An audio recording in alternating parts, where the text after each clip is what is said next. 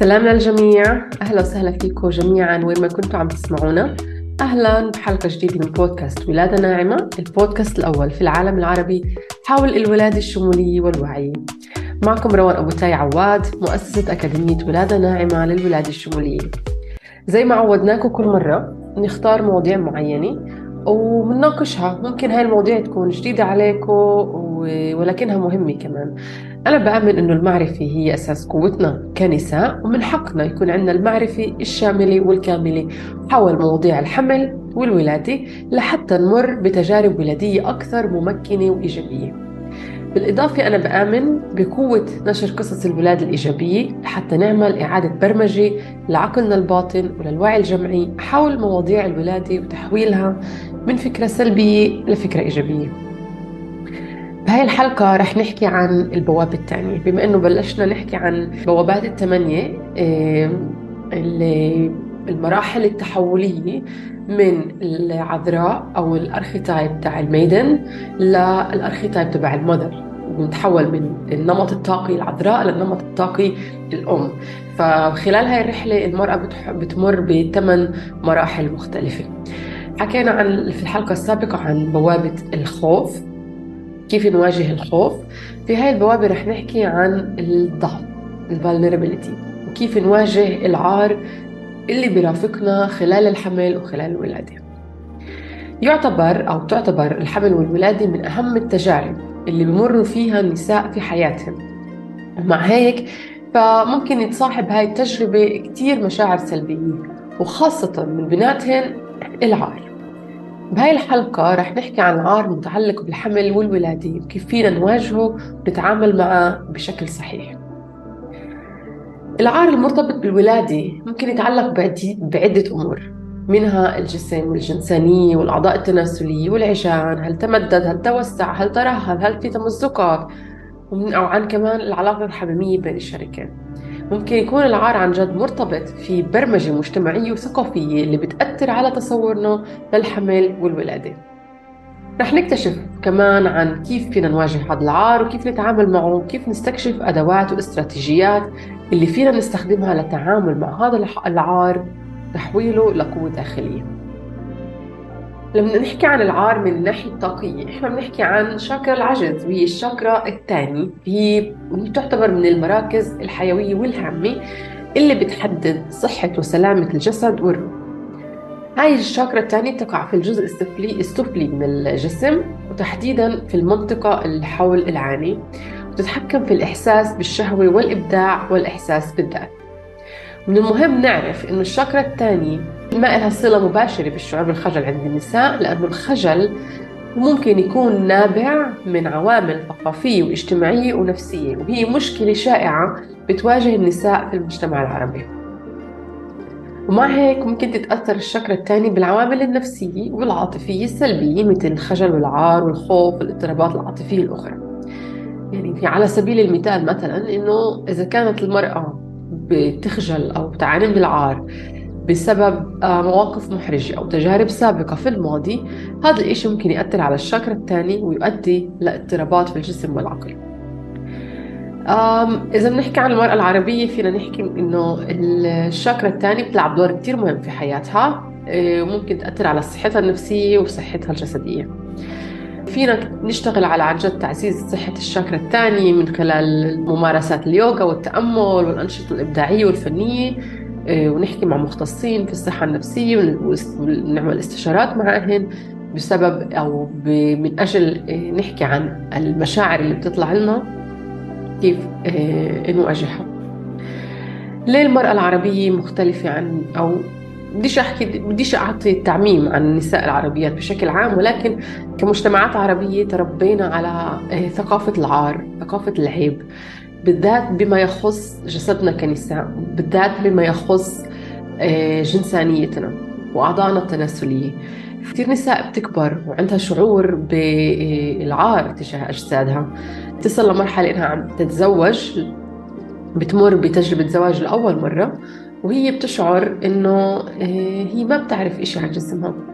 هي ما بتعرف إشي عن جنسانيتها ما بتعرف كيف الزواج بتم ما بتعرف كيف تشعر بالنشوة ما بتعرف كيف لازم ترضي نفسها ترضي جسدها وشهواتها بدل بس آه، إرضاء الزوج جنسيا.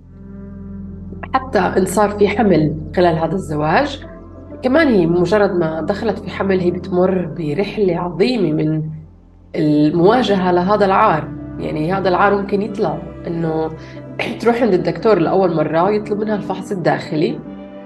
يكون في محل إنه كيف فيني أتصرف؟ اليوم أنا بدي أكشف نفسي على طبيب أو على طبيبة. أكشف ضاء الجنسية اللي أنا بس أمام زوجي أو لما أكون في الحمام بس فيني أشوفهن كيف بدي أكشفهن على آه، شخص آخر. فهذا آه، العار ممكن يسبب عن جد أزمة نفسية معينة عند هاي النساء اللي آه، جسدهن يعني يتجاوب مع هاي المشاعر. حتى شعور هذا العار أو الخوف من إني أعمل هذا الفحص كله بيأثر على منطقة الشاكرا الثاني بيأثر على الأعضاء التناسلية نفسها الأعضاء الجنسية نفسها. ممكن يصير في انقباضات للمهبل ما يسمح بإنه يسترخي. يكون صعب عليها إنها تسترخي لأنه هي مش عارفة كيف تتصرف. بهذا الموضوع. فكثير نساء بتصل لمرحله الولادة. تستصعب تولد والولادة عندها بتتعسر لأنها موجودة في مكان هي منكشفة حرفيا هي متعرية. أوكي؟ إحنا في الولادة حتى لو لفونا بمليون شرشف إحنا بنحس إنه إحنا متعريات. إحنا عم ننكشف عم عم نعرض أغلى ما عندنا. لأنه هيك المجتمع علمنا إنه هذا أغلى ما عندنا. ولازم نخبيه. فبمجرد وجودها بهيك موقف وخصوصا إذا كان في آه طبيب ذكر فهون بيصير في كمان أزمة أكبر بصير في انقباضات أكبر. إيه كثير بصير المهبل عم ينسمح له يتمدد لأنه بشكل لا واعي إيه كل هاي المشاعر من خوف من عار عم تطلع على السطح. المشكلة إنه إيه واحدة من الطرق الأكثر شيوعا للتعامل مع الحمل أو الولادة بالمجتمعات تبعتنا هي إيه أو المجتمع الحديث الموجود بالمعاصر إنه نطلع عليه كنظرة طبية فقط. إيه ويعني بيتم إنه خلاص بيطلعوا على الجسد الأنثى كمجرد كائن كمجرد شيء بيحتاج إلى علاج. من دون ما نتطرق أو نطلع على الجواب النفسيه والروحانية والاجتماعية للحمل والولادة. مع الأسف في أطباء رائعين وجيدين وممتازين عن جد من ناحية طبية فيهم يكونوا عظيمين ولكن بنفس الوقت ما عندهم معرفة كيف يتعاملوا من هاي من هاي الناحية. في استخفاف بهذا الموضوع بيتعاملوا معها كجسد. أوكي؟ في عنا هون حالة بدنا نشتغل عليها إيه كثير نساء تصدم أو إيه الإشي عن جد ممكن يسبب لهم أزمة نفسية لأنه هن يعني لا حول لهم ولا قوة. من هيك مهم حتى عن جد الطواقم الطبية تكون إيه، مدربة على على هاي المواقف. وفي كتير عن جد طواقم طبية اللي هي جاهزة لاستقبال هاي الحالات اللي تقدر تشتغل معاها لحتى تهديها وتطمنها وتريحها وتحسسها بالأمان. لأنه غير هيك رح تشعر إنها مستباحة. رح تشعر إنه جسدها إيه، مستباح للجميع. وهذا شيء يناقض كل البرمجات كل العادات والتقاليد اللي هي تربت عليها. ف حسب رأيي بداية يعني عن جد فينا نشتغل على يعني تغيير الفكر المجتمعي تغيير الفكر الجمعي. حول هذا الموضوع. ونبتعد عن الحالة الضيقة أو النظرة المادية الضيقة حول هذا الموضوع إيه، ونبطل نطلع على النساء كجسد فقط. وإنما ك...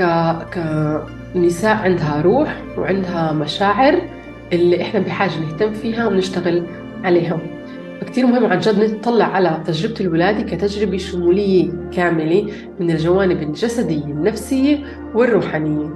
ف لهيك أنا بهذا البودكاست بدي أفتح عينين النساء حتى ينتبهوا لهذا الموضوع. أنا مش ما, بدي بس أحكي عن العامل الجسدي وأحكي لها شو شو فيها لازم تعمل وإنما فيني أوعيها وأحكي لها إنه أنت إنسان مكون من جسد ونفس وروح وما تنسي هذا الموضوع. ومن واجبك أنت إنك تهتمي بالتشافي من جميع الصدمات أو من جميع وإعادة برمجة لعقلك الباطن وتشتغلي على على ذاتك من جوا وتواصلك مع مع روحك مع نفسك ومع جسدك. ونكون أقوى لحتى تمر برحلة كاملة وشاملة خلال حملك وتمر بولادة هي مختلفة يعني فينا كمان نتحدث عن عن الأشياء الجسدية كيف فينا نصلح من الأشياء الجسدية. كمان بمساعدة العوامل النفسية وكمان لما إحنا بنتواصل مع الروح ومع ذاتنا العليا كيف فينا عن جد نغير إيه، من تجربتنا. زي ما حكيت يعني حتى نساء بتروح على المستشفيات لحتى تعمل أي فحص جسدي طبي إن كان بخصوص الحمل والولادة وإن كان شيء بيتعلق بالمشاكل الهضمية مثلا. اضطروا إنه يعني ينكشفوا من الجسد أسفل لتحت أمام أشخاص آخرين لحتى يمروا بهاي الفحوصات إيه، الإشي ممكن عن جد يسبب لأزمات نفسية عند هاي النساء لما مجرد ما إدخال آلات مختلفة حتى يعملوا هاي الفحوصات؟ تخيلي امرأة اللي هي تعرضت لاعتداء جنسي أو اغتصاب أي إشي ممكن إيه، كيف هذا الإشي ممكن عن جد يأثر عليها؟ يعني الفحص نفسه راح يكون تريجر للصدمة السابقة ويزيد من الأزمة النفسية. فإذا كان الشخص اللي بيعمل هذا الفحص أو الطاقم الطبي المتواجد حولها ما عنده هذا الوعي ممكن الإشي عن جد يزيد من حساسيتها يزيد من, من أزمتها النفسية ويزيد والإشي يأثر على جسدها. لأنه الجسد بي يعني بيتأثر من إيش بيصير داخل نفس okay؟ داخل نفسنا. وكل إشي موجود داخل عقلنا الباطن من صدمات من برمجات رح تطلع على السطح بشكل تلقائي بدون حتى عقلنا الواعي يقرر إذا يطلعها ولا لا. فعقلنا الباطن بشكل تلقائي بيتحكم بالجسد في هاي المرحلة. أوكي؟ فإذا إحنا بنحكي عن منطقة المهبل والشرج وفي عنا صدمات سابقة وعنا برمجات اللي لا تعد ولا تحصى حول هاي المرحلة من عيب عيب عيب حرام حرام حرام إيه الإشي بشكل تلقائي رح يسبب لأزمة نفسية. okay؟ وهي الأزمة رح تأثر بشكل تلقائي على الجسد على منطقة المهبل. وهون بصير في block بهاي الشاكرا كمان. هاي الشاكرا فيها blocks من زمان لأنه إحنا عبيناها صدمات عبيناها برمجات كله هذا صار باللاوعي إذا إحنا ما اشتغلنا كمان على تحرير هاي الصدمات وعلى تحرير هاي الشاكرا تنظيفها. إذا نحكي مثلا على موضوع شق العجان. شق العجان عندنا حلقة كاملة حكينا فيها عن هذا الموضوع مع لنا منصور موجودة في البودكاست في الموسم الثاني. فيكم ترجعوا لها تستمعوا للمعلومات وتعرفوا أكثر عن الموضوع. إيه، لأنه المعرفة هاي بتزيدكم ثقة وأمان وقدرة عن جد على الاستمرارية وتمروا بتجربة أفضل أوكي؟ في كتير نساء بتخجل من هذا الموضوع إنه يصير في تمزق بالمهبل. يصير في شق للعجان اللي هو إيه، إجراء طبي. بعدين عن جد في نساء بتخاف إنه هذا الشق أو هذا التمزق بسبب مشكله بعدين اللي اضطروا إنهم يصححوها، في نساء بتشعر بالعار والخجل والضعف من هذا الموضوع اللي ممكن يؤدي عن جد على مستوى نفسي وعاطفي وعلى مشاكل زوجية كمان. أوكي؟ إذا أنا أصلا مش عارفة أستمتع بزواجي مش عارفة كيف بدي آه، أرضي زوجي. إحنا لازم نرضي الزوج وناسين إنه إحنا كمان لازم نشعر بالمتعة خلال العلاقة الجنسية. فدائما في خوف إنه هاي المنطقة يصير عليها إشي. بنخاف نولد طبيعي حتى ما يتمدد المهبل لأنه إذا توسع إحنا ممكن ما نرضي الزوج فبيعملوا غرزة إرضاء الزوج وهي من أسوأ الأشياء اللي ممكن يعملوها النساء ومن أسوأ الأشياء اللي ممكن يعملوها أطباء حتى بدون معرفة النساء للنساء لحتى يرضوا الزوج لأنه معتقد جدا خاطئ. لأنه إحنا إذا كانت معرفتنا كبيرة حول منطقة المهبل حول عضلات أسفل الحوض. وتعلمنا كيف نشتغل عليها وكيف نهيئها للولادة كيف نهيئها حتى للزواج. يعني فينا نستمتع أكثر فينا نشعر أكثر فكتير معتقدات بالية اليوم حول الأعضاء الجنسية آه، عند النساء اللي خلص يعني أجى الوقت إنه نلغيها أجى الوقت إنه نزيلها عنا نتلاها من عقلنا الباطن نزيد ثقافتنا نشتغل على تطوير ذاتنا على تطوير أجسادنا على تطوير متعتنا. متعتنا مهمة. ابدأي حتى على الأقل جيبي مراية وتفرجي على أعضائك التناسلية. تعرفي عليها. تعرفي على أسمائها. إيه، إيه، حسيها. حاولي استشعري المتعة فيها. بمجرد ما إنك تصالحتي معها أنت بدأتي بالتواصل مع حالك أكثر بدأتي بالتواصل مع جسدك بمشا... بالتواصل مع مشاعرك أكثر مع متعتك أكثر ف إيه هي واحدة من الأشياء اللي عن جد بقدر أنصحك تعمليها. إيه... ثاني إشي كتير مهم المواجهة. لحتى نتخلص من العار أو ونشيله عنا بدنا نواجهه. بدنا نزيل الغطاء الكبير اللي مغطينا ونواجه إيش في تحته. نحط أمامنا كل الأشياء اللي بتخلينا نشعر بالعار. نحط كل المشاعر اللي بتطلع قدامنا ونبلش نواجهها وحدة وحدة. إيه، ونبلش نعترف وندرك ونعترف إنه هاي الأمور بتصير كجزء طبيعي من تجربة الحمل والولادة. إذا انت مش عارفة كيف تواجهها لوحدك توجهي للأشخاص أو تعال نحكي اخصائيين نفسيين مدربين معالجين الدكاترة أي حدا اللي إيه، إيه، ممكن يساعدك. okay؟ إذا أنت بتعاني من خوف معين بيتعلق بأعضائك التناسلية احكي مع أخصائية نفسية واجهية في sexologist اليوم كمان اللي بيقدروا يشتغلوا على هذا الموضوع معك فإنه نحكي بصراحة حتى لما نروح على الولادة نحكي لأن أنا عندي خوف معين. أنا بشعر بالخجل إني إيه، أتعرى. أنا بشعر بالخجل إنه أنتوا رح تشوفوني من تحت ومش رح أحس إني مرتاحة. فأطلب من الطاقم الطبي إنه آه، يتعاون معك ويأمن لك أكبر يعني قدر من الخصوصية. اطلبي من زوجك كمان إنه آه، يكون عارف هذا الموضوع. احكي مع زوجك بصراحة حول هاي المواضيع. يعني عادي وطبيعي. كتير نساء موجودة زيك. انت مش عم بتعاني لوحدك. مش انت الوحيدة اللي عندها مشاعر العار هاي كلياتها. مش انت الوحيدة بتعاني آه، مع هذا الموضوع. فالصراحة الصراحة الصراحة هي جزء كتير مهم في المواجهة. لازم نكون يعني مستعدات لأنه تعال نتذكر إنه إحنا نساء تربينا في مجتمعات اللي عودتنا أو ربتنا على ثقافة العيب والعار. يعني إذا أنا عم بعاني فأنا مش عم بعاني ولا وحدي وهذا الإشي كتير مهم يعرفوا الأزواج كمان. إنه إذا مرت زوجتك عم بتعاني أو عم تشعر بهاي المشاعر تفهمها احتويها واجهوها مع بعض وإذا في داعي لتتوجهوا لمساعدة توجهوا لمساعدة. okay؟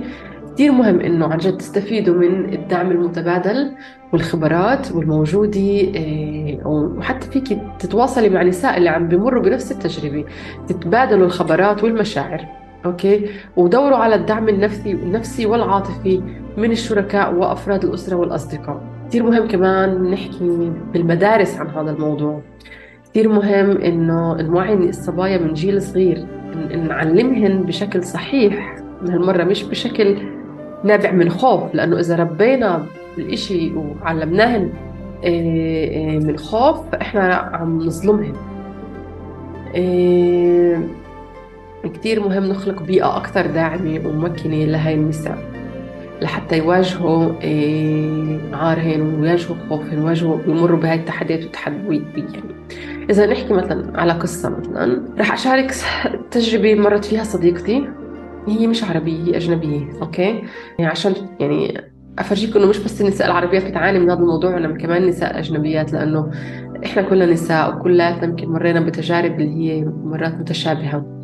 إيه فصديقتي هاي بتحكي لي إيه إنه كانت تعاني من الخجل والعار بحوالين جسمها. يعني لما دخلت بحمل بلشت تعاني أكثر من هذا الموضوع. كانت تحس إنها هي غير جاهزة إنها تحكي عن هذا الموضوع مع, مع نساء أخريات أو مع الدكتور أو حتى مع زوجها. بس لما جرأت هيك بشكل بسيط وحكت لصديقتها عن هذا الموضوع كل شيء بلش يتغير عندها. لما قررت تحكي ب بصراحة وبدون خوف تبدأ تدور على المعلومات وتبحث عن دعم اللي بحاجته ولما حكت مع دكتورتها وحكت يعني حتى مع نساء اللي مختصة بهذا الموضوع ومع نساء تانية اللي هي مرت بنفس التجربة شافت كيف هن ممكن يتغلبوا عليه على على هذا الموضوع. قدرت صديقتي هاي إنها تعزز الاتصال بينها وبين جسمها أكثر. صارت حتى تعرف كيف تتواصل مع جنينها. صارت تمارس اليوغا والتأمل. اللي ساعدها إنها تشعر أكثر بتواصل مع جسدها والتخفيف من الشعور بالخجل والعار. الدعم اللي لاقته ساعدها كتير تمر بتحديات. فجد مهم إنك تحكي وتكوني صريح إذا بدنا نحكي مثلا على حالة اللي هي صعبة جدا بتمر فيها كتير كتير نساء هي التشنج المهبلي okay؟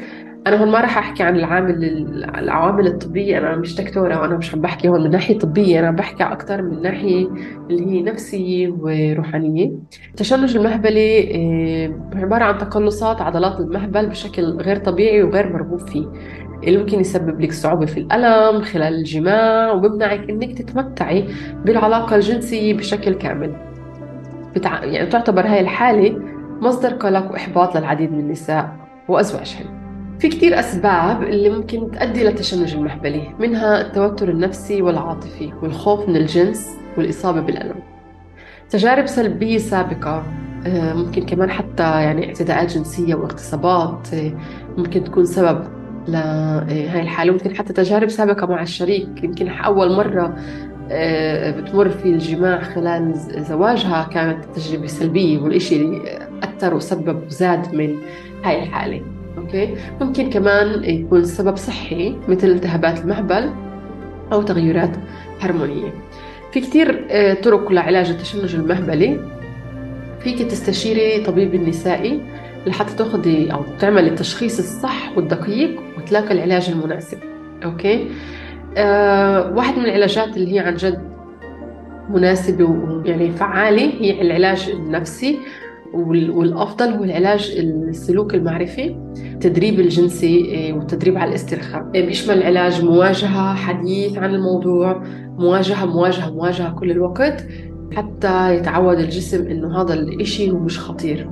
لحتى يتعود إنه آه، كل شيء بيتعلق بهاي المنطقة هو مش خطير. okay؟ تدريب على حتى عند sexologist أخصائيين اللي هن جنسيين بيدربوا بيساعدوك بيعالجوك من ناحية جنسية إيه، وفيك كمان تتدربي على تقنيات الاسترخاء. في العلاج الدوائي يتعلق في نوع الحالة هون والدكتور هون بيقرر والعلاج اللي هو يعني ممكن يكون آخر حل هو علاج جراحي. وهذا الدكتور بقرره بعد ما جربتي كل الطرق وما نجحت كثير مهم عن جد الدعم والمواجهة ودعم الشريك كثير بيساعد. لحتى تتعالجي لأنه كتير مهم إني كمان أنت تستمتعي في علاقتك. إذا أنا بدي أجي أحكي عن كيف فيني أنا لوحدي أبدأ أوكي؟ فيني أستخدم مثلا التدوين. بالتدوين أنا فيني أسأل كتير أسئلة أوكي؟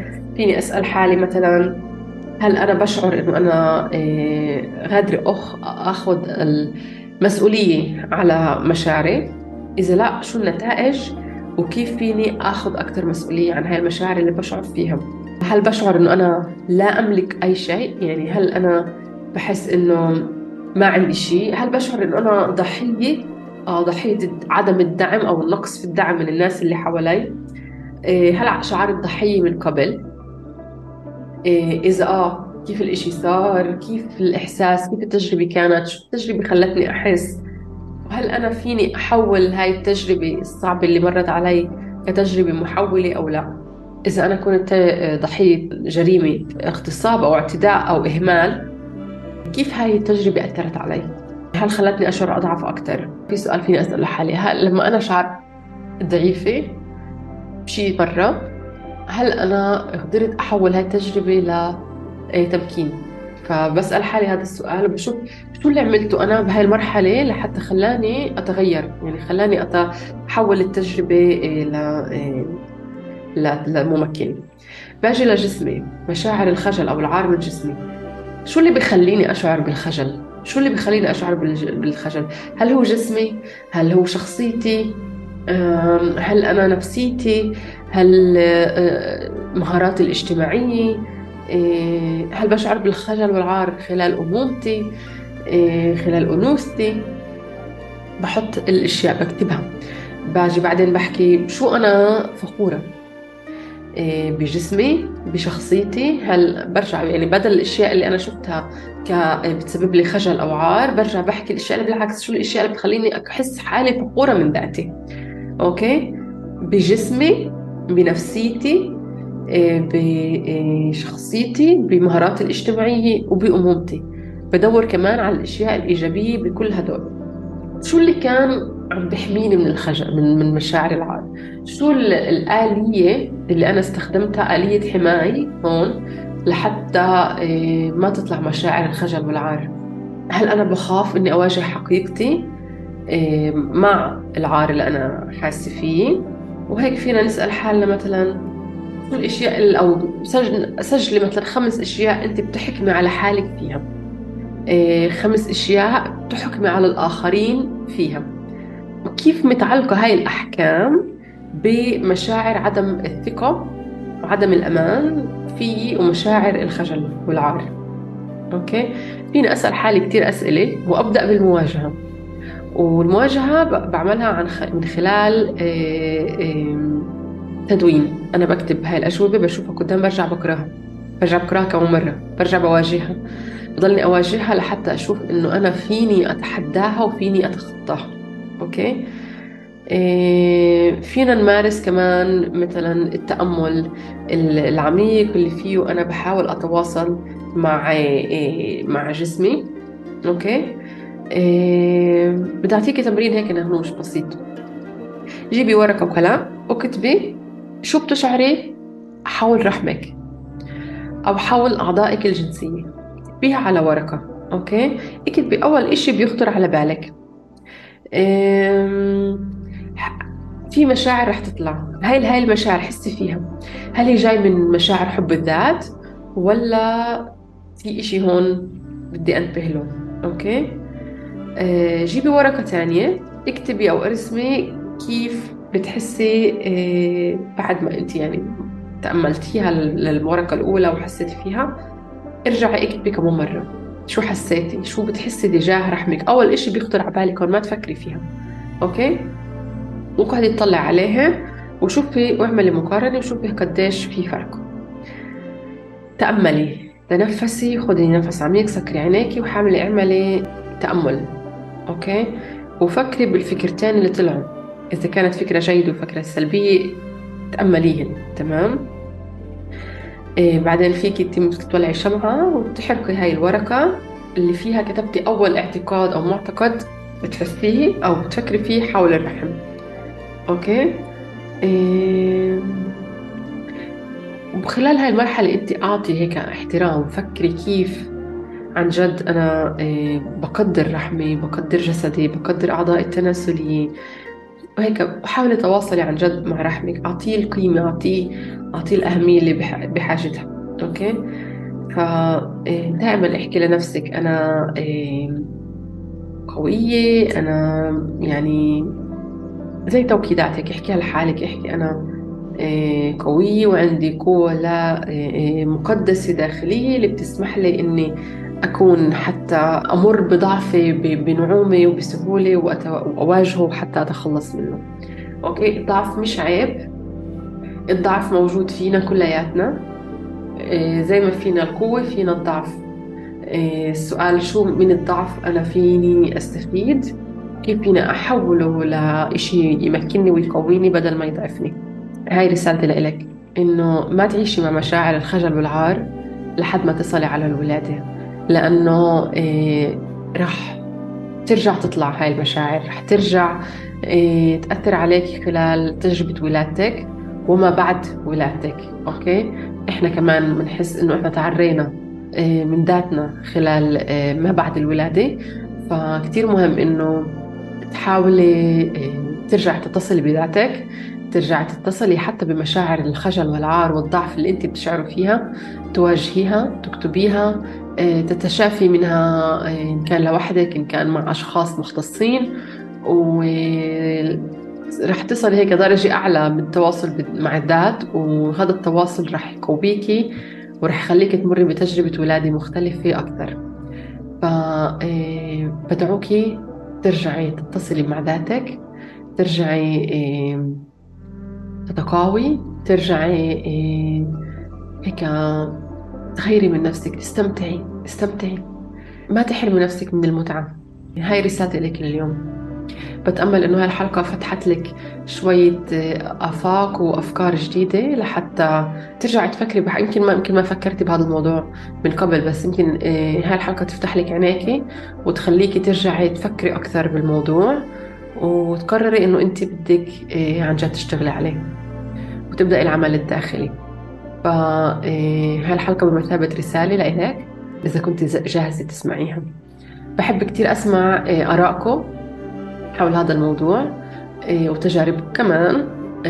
فيكم تتواصلوا معي على صفحتي الخاصة رح تكون موجودة في الرابط في التعريف تحت أو في صفحة ولادة ناعمة. فيكم تبعتوا لنا دائما رسائل وتشاركونا تجاربكم. وعن جد شكرا لاستماعكم للآخر. بتمنى لكم نهار سعيد ونلتقي في الحلقة القادمة مع بوابة تانية. سلامات.